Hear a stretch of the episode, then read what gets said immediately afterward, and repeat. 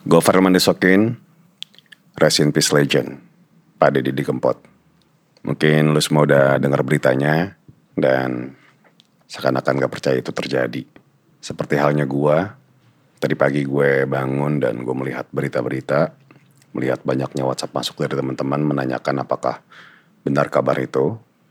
Gue kayak gak percaya sih. Ini ada apa nih pagi gue nih? Terus gue menghubungi Mas Blontang di Solo. Saat itu tuh Mas Blontang sedang menuju ke rumah sakit. Dan pada akhirnya ketika sampai rumah sakit, Mas Blontang mengkonfirmasi kalau Pak D Didi Kempot sudah tutup usia. Ini agak sentimental ya uh, kejadian ini bagi sebagian besar masyarakat yang mengenal atau tidak mengenal beliau. Salah satunya adalah gua. Awal kenal sama Pak Deddy di Kempot itu ketika tahun lalu gue nge-tweet bulan Juni kalau nggak salah nge-tweet soal ada yang punya kontak Didi Kempot nggak?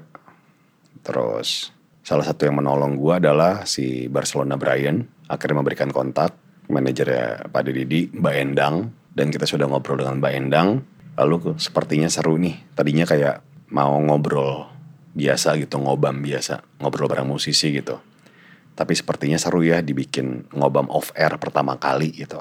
Dan akhirnya berinisiatif lah oh, menanyakan juga di Twitter kalau ada nggak sih teman-teman di sini yang punya venue atau restoran yang bisa diajak kerjasama untuk ngobam offernya Pak Didi di Kempot gitu.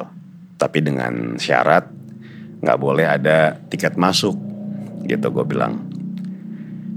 Lalu uh, dibantu dengan Niko dari Solo, dari RBI, Mas Blontang, terus Rumah Blogger Indonesia ya, yang terima kasih buat teman-teman Solo yang sudah ngebantu. Akhirnya dikenalkan sama Ega, Ega itu salah satu, Ega itu tuh yang punya tempat uh, restoran bernama Gulo Klopo, uh, Wedangan ya. Yang gue tuh selalu kepleset ngomong itu Gulo Koplo. uh, ngobrol sama Ega, boleh gak sih kalau hasil dari makanan penjualan makanan dan minuman itu 15% di apa namanya di uh, untuk Pak Didi gitu. Oh bisa bisa bisa gitu. Akhirnya tanpa pikir panjang gue pesan hotel di Solo, gue pesan tiket di Solo, lalu pergi dari Jakarta dengan membawa peralatan kamera dan apa namanya sound segala macam untuk record. Pergilah ke Solo gue. Di Solo di bandara dijemput sama Niko, kita diajak ketemu dulu sama teman-teman Solo sampai ke hotel. Terus habis itu eh sorry sebelum ke hotel itu mampir ke Gulo Klopo dulu. Uh, tempat apa namanya tempat untuk mengadakan venue ngobam off air. Di situ tuh kayak wow besar sekali tempatnya gitu. Kita akhirnya memilih uh, memilih satu panggung paling pojok, sorry memilih spot yang paling pojok untuk dibikin panggung kecil karena tadinya mau di tengah tapi takutnya ngalingin orang jalan ya. Ya sudah kita pindahin ke pojok jadi disetting kayak duduk santai gitu di tengahnya meja dan di samping panggung itu ada kayak tempat ngopi-ngopi di mana kita bisa berpindah dari panggung satu ke panggung kedua gitu. Jadi kayak ada temanya gitu sambil ngopi sambil ngobrol. Ya seru banget sih. Uh, di sosial media sudah ramai membicarakan soal ngobam ini ya. Ekspektasi gue gitu kan kayaknya ya seratus lah anak-anak yang datang gitu untuk nonton ngobam off air ini.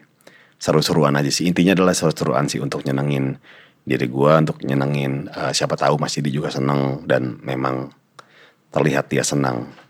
Jujur gue itu nggak tahu lagunya Pak Ade Didi sih. Cuma dua lagu dari sekian banyak lagu-lagu legendaris beliau. Alasan gue nyamperin Pak Ade Didi adalah gue melihat fenomena sosial media, terutama Twitter dan Instagram ya, di mana ada set boys solo, set girls solo gitu kan, yang ketika manggung dari banyaknya orang yang datang menikmati karya-karya beliau, di depannya kok banyak anak-anak muda yang singelong lagunya Pak Deddy dengan semangat gitu. Ini menarik sekali gitu. Bisa menjadi uh, apa namanya sesuatu di 2019. Entah kenapa gue berpikir kayak ini saatnya revival untuk Pak Deddy. Gini, dengan atau tanpa acara ngobam, Pak Deddy sudah terkenal. sudah jadi legend. Dengan atau tanpa acara ngobam, beliau akan tetap dikenal dan makin dikenal. Gue yakin itu. Gue tidak mengklaim bahwa ngobam adalah sebuah acara di mana melambungkan namanya masih tinggal nggak gue bukan siapa-siapa dan ngobam bukan siapa-siapa. Gue di sana tuh pure untuk seneng-seneng aja bersama Pak Deddy dan teman-teman di Solo gitu. Menarik menarik sekali gitu kan. Kayaknya gue pengen kenal lebih kenal dengan beliau gitu kan. Oke okay. ketika kita balik lagi cerita soal malam-malam mampir di venue Gulo Klopo ya. Gue balik ke hotel tidur dan besoknya uh, apa namanya cek sound segala macem. Acaranya dimulai maghrib. Menjelang maghrib gue udah sampai di venue-nya di Gulo Klopo. Dan sampai saat itu tuh belum pernah ketemu sama Pak Dedidi baru pas hari H ketemu Pak Dedidi sebelum acara dimulai gue ngobrol sama Pak Dedidi pertanyaan dia cuma satu Mas Gofar ini lucu sih dia bilang dia bilang kata gue artis ibu kota Mas Gofar kan artis ibu kota. Mas Gofar kan uh, remaja ibu kota. Ngapain? Capek-capekin. Jauh-jauh datang ke Solo ketemu sama penyanyi desa. Pak Ade. Pak Ade itu legend. Semua orang mengenal Pak Ade. Semua orang tuh hidup di lagu-lagu Pak Ade. Banyak orang apalagi di Jawa Jawa ya kultur Jawa tuh udah sangat didikempot sekali gitu kan. Ya tapi kenapa saya? Karena Pak Ade legend Pak Ade legend. Ya sudah kita senang-senang gitu. Soal yang namanya pembelian dari makanan dan minuman ya. Yang gue bilang ke Ega Gulo Klopo yang punya tempat itu kalau misalnya 15% atau 10% itu boleh gak sih kita sisihkan untuk Mas Didi Kempot gitu. Pak Dedi Pak Dedi, Pak Dedi di Kempot menolak karena ini acara kita semua. Jadi aku nggak mau ngambil apa-apa dari situ. Semuanya sudah beres. Uh, Sebelum itu tuh gue mencari band keroncong yang memang sudah direkomendasikan dari anak-anak sudah dengan uang yang ada di gue gue pakai buat uh, bayar band keroncong dan lain-lain gitu. Tentunya dibantu dengan tenaga-tenaga yang sangat luar biasa dari RBI Solo dan teman-teman Solo. Akhirnya mulailah acara. Di situ gue deg-degan banget loh cuy. Sangat deg-degan. Ketika keluar ruangan, ekspektasi gue adalah 100 orang ya tapi ketika keluar ruangan tuh kayak gila ini penuh banget ini semua kepala dan pada nungguin Pak Ade Didi gitu kan. Gue datang dengan Pak Ade Didi semuanya gokil. Semangatnya luar biasa menyambut Pak Ade Didi. Wajar sih dia dipanggil Lord. Karena luar biasa sekali gue menyaksikan dengan mata gue kayak ini fenomena luar biasa dan bisa dikatakan 99% yang datang tuh anak-anak muda yang bergaya edgy dengan sepatu fans, dengan dandanan anak mudanya gitu, dengan ya luar biasa lah ini kayak kayak lu nonton WTF gitu. Dan ceweknya cakep-cakep, cowoknya gaya-gaya semua itu menurut gue ini luar biasa ini fenomena yang gokil ini. Lalu dimulailah acara ngobam. Seperti biasa gue ngobrol-ngobrol dengan Pak Deddy di satu hal yang menarik adalah beliau berbicara dengan orang tidak memandang umur siapa pun bisa menjadi temannya. Beliau mengucapkan terima kasih pada hal-hal kecil, sekecil apa pun. Itu yang gue salut dari Pak Didi. Kita ngobrol, ngobam dimulai, kita ngobrol, banyak hal, berinteraksi, ketawa-ketawa. Meskipun kebanyakan beliau ngelucu dalam bahasa Jawa yang di mana gue nggak ngerti gitu. Jadi tetap gue ketawa gitu. Tapi itu jadi sebuah gimmick yang lucu banget sih. Ketika dia ketawa ah gue juga ketawa. Ah ngerti nggak? Kok sampean? Enggak. Itu lucu sih. Itu lucu banget. Terus kita bedah lirik lagu uh, Cidro ingin menanyakan artinya apa sih lagu Cidro ini satu persatu kita bedah gitu kan. Yang pada akhirnya gue dibully sama Pak Ade sama penonton gitu kan. Itu lucu-lucu sih. Berinteraksi dengan penonton gue ajak ikut gabung sama uh, gue dan Pak Ade duduk di tengah bahkan ada yang menyanyikan lagunya Pak Ade gitu. Itu lucu sih lucu banget dan seru banget. Dan kabarnya bahwa yang datang itu tuh malam itu tuh sekitar 1.500 orang. Dan semakin bertambah lagi ekspektasi gue tuh 100 men gue tidak menyiapkan apa-apa gue tidak menyiapkan proyektor uh, agak kasihan melihat teman-teman yang tidak melihat langsung Pak Deddy gitu kan ngobrol sama gue gitu. Cuma ya ekspektasi gue tidak sebesar itu. 100 paling banyak lah. Cuma ini 1500 men. Semuanya anak muda kepala, semua sampai keluar-keluar parkiran-parkiran tuh penuh banget. Sampai yang lucu tuh ada satu mobil ya. Seperti kejebak di situ ya. Dia kayak gak niat nonton Pak Deddy, dia cuma pengen makan doang gitu kan. Mobil itu tuh berada di tengah bagian depan gitu. Karena banyaknya manusia akhirnya mobil tuh nggak bisa keluar dan kayaknya si owner mobilnya itu tuh ya terpaksa nonton Pak Deddy. Gue lihat keluar parkiran tuh semua trotoar tuh parkiran mobil semua. Maksudnya di jalanan dekat trotoar. Dan ini luar biasa nih fenomena apa ini nih? Ini Solo luar biasa nih Solo nih. Jawa Tengah nih luar biasa nih. Gokil Pak Deddy sudah menjadi kultur di mereka sejak lama sejak lama habis ngobrol berlangsung ngobrol berakhir kita ngobrol-ngobrol, saya mengucapkan terima kasih kepada Pak Deddy. Beliau juga mengucapkan terima kasih katanya.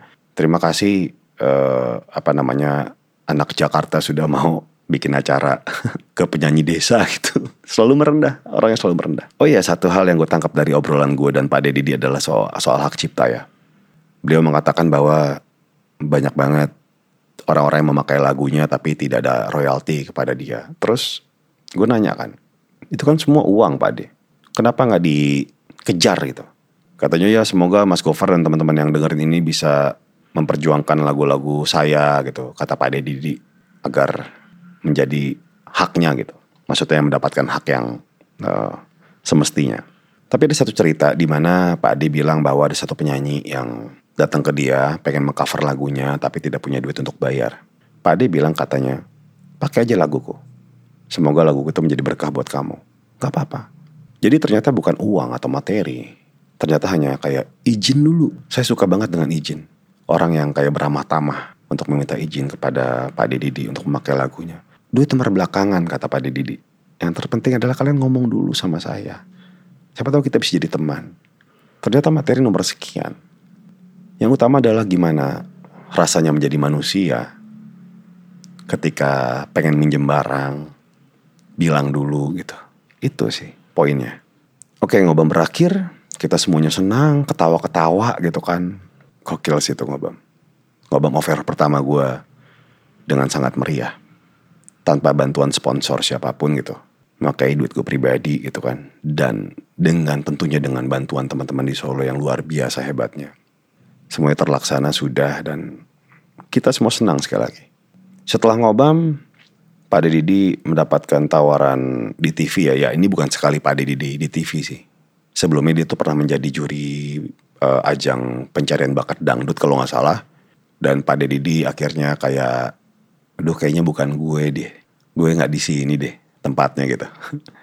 Pak Deddy bilang bahwa ya silahkan hak orang lain untuk ikut di acara ini. Cuma tugas saya tuh sebagai musisi gitu, menciptakan lagu dan bernyanyi seperti saya kurang suka untuk menjadi eh mengambil job yang seperti ini gitu.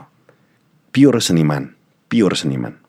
Sesudah ngobam sekali lagi beliau diundang ke TV dan gue inget banget Pak Ade bilang gini, saya nggak mau masuk TV nih kalau nggak sama Mas Gofar katanya gitu itu terharu banget sih gue terharu banget waktu itu tuh di Rossi ya acara Kompas TV kita ketemu lagi dan kita kayak seru-seruan bareng lagi gitu. Dan setiap ketemu Pak Ade tuh kayak selalu mengucapkan terima kasih kepada gue. Terima kasih mas, terima kasih selalu berterima kasih. Pak Ade, saya mah bukan siapa-siapa tuh bukan apa-apa yang nggak nggak ada saya pun nggak ada pengaruhnya. Pak Ade sudah terkenal, Pak Ade sudah sudah menjadi legend. Dan uniknya, Pak Ade tidak sadar kalau Pak Ade tuh selegend itu, selegend itu. Tapi dia tidak lupa mengucapkan terima kasih, terima kasih yang mana gue juga tidak memerlukannya. Tapi gue sangat menghargai beliau, gue juga terima kasih sama beliau. Suatu hari waktu sebelum konser, eh sorry sebelum syuting uh, ini talk show di net, waktu gue lagi ngerokok sama Pak Deddy, beliau cerita kayak, Mas Kofar, kamu tahu nggak sebelum ngobam fee manggung saya berapa? berapa Pak De? Ya 10, 25 gitu. Oh, gede dong. Gue ngomong gitu. Tahu nggak sekarang saya berapa? Berapa pak deh? Ratusan juta. Wah, mantep pak deh. Sekali lagi dia mengucapkan terima kasih atas ngobam. Pak D, saya juga dengan dengan tidak mengurangi rasa hormat, tapi jujur Pak D itu bukan ada pengaruhnya ngobam, saya bilang gitu. Itu karena Pak D-nya sendiri. Pak D sudah legend, Pak D sudah terkenal, Pak D sudah menjadi budaya, khususnya untuk orang-orang Jawa. Dan inilah saatnya Pak D untuk revival. Sudah garisnya Pak D. Tapi dia selalu mengucapkan terima kasih. Dan gue juga mengucapkan terima kasih sama Pak Ade. Karena jujur saja, dengan acara ngobam itu, pintu rezeki bagi gue pun terbuka. Terbuka sangat. Jadi kami berdua sama-sama mengucapkan terima kasih. Pak Ade tuh semenjak uh, ngobam luar biasa ya. Maksudnya uh, kesibukannya gitu. Di mana ya memang sudah saatnya, memang sudah saatnya beliau lebih dihargai daripada sebelumnya sebulan tuh bisa sampai 30 panggung gitu.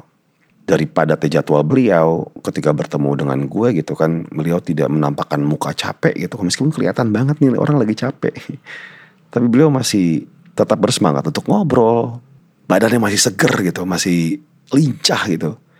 Dan suaranya kan dia kalau bernyanyi kan tipikal orang eh, tipikal suara yang tinggi banget ya, tinggi banget kalau dia nyanyi tuh. Tiap lagunya tuh nada itu tinggi-tinggi semua.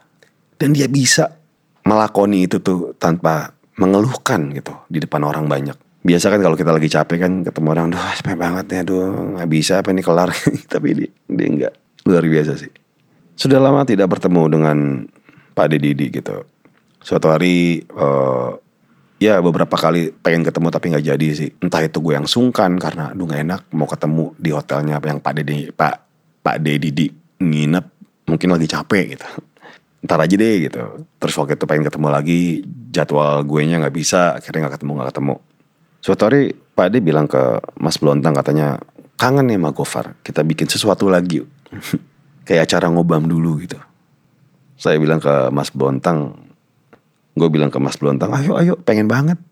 Gue juga punya rencana pengen bikin sesuatu bersama Pak Ade Didi di akhir tahun gitu. Dan kita sudah ngobrolin secara kasar ya Pak Ade Didi bukan tipe yang WhatsApp ya, dia SMS.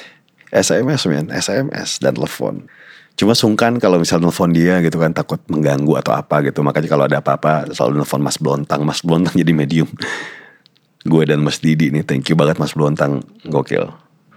Nah, sekarang Pak Didi udah tutup usia. Hal-hal yang gue inget dari beliau adalah humble luar biasa sih gue suka ngerem-ngerem karena keinget dari Pak Deddy sih. Dan gue selalu mengucapkan terima kasih hal-hal yang sekecil apa pun di sekitar gue. Entah itu musibah atau kejadian yang menyenangkan ya. Gue selalu mengucapkan terima kasih sih. Dari situ gue belajar bahwa rasa terima kasih itu harus dimulai dari hal-hal yang kecil banget dan detail. Ramai di Twitter dan di Instagram. Satu yang pengen gue sampai ini ya ini pendapat gue sih. Ya terserah kalian kalau misalnya mau denger atau enggak ya. Entah kenapa banyak banget yang bermunculan kayak opini-opini. Alah kalian anak baru dengerin ide kempot gitu. Woi bukan ngobam yang menjadikan terkenal. Tapi ada siapa abah siapa atau ada yang bilang gini dari dulu dia udah terkenal bukan tanpa ngobam gitu jadi banyak yang berperang pendapat gitu memang benar sekali lagi memang benar men Ngobam tuh bukan apa-apa. Bukan. Pak Deddy sudah lama menjadi legend. Pak Deddy sudah lama menjadi terkenal. Sudah lama terkenal. Ya dia berhak mendapatkan rezeki lebih dari karya-karyanya dia. Dan kita tahu, semua tahu itu. Yang gue pengen sampaikan adalah satu. Ya sudahlah kita tidak usah berdebat hal-hal yang gak penting kayak gitu. Beneran deh. Yang paling beres adalah mendoakannya sih. Dan mengenang karya beliau gitu. Sorry kalau gue sentimental ya, tapi beneran deh kita kayaknya nggak perlu debat-debat nggak penting kayak gitu deh beneran gue pribadi bukan orang yang sangat dekat dengan Pak Deddy bukan pribadi yang sering ketemu dengan Pak Deddy cuman entah kenapa momen ngobam itu menjadi momen yang sentimental menurut gue dan teringat sampai sekarang sih oke okay. Sekali lagi kita nggak cuma kehilangan seorang seniman kita nggak kehilangan seorang budayawan kita nggak kehilangan sosok uh, figur ayah figur Pak D. Tapi kita kehilangan budaya itu sendiri ya. Budaya di mana patah hati tidak semeriah ini. Ketika kalian patah hati, kalian bisa bernyanyi dan berjoget. Sekali lagi patah hati tidak bisa semeriah ini dan itu semua karena Pak Ade Didi. Itulah kultur yang dibangun oleh Pak Ade Didi. Ini seperti K-pop ya. Ketika kalian suka K-pop dan tidak mengerti apa bahasanya, kalian jadi bernyanyi tanpa mengerti bahasanya dan bahkan mencari tahu arti dari bahasa itu sendiri. Sekali lagi kita nggak usah lah debat-debat nggak penting bener gak sih di situasi sekarang ini. Semoga Pak Dedi tenang di sana di kehidupan berikutnya. Rest in peace legend. Rest in peace Pak Dedi keempat.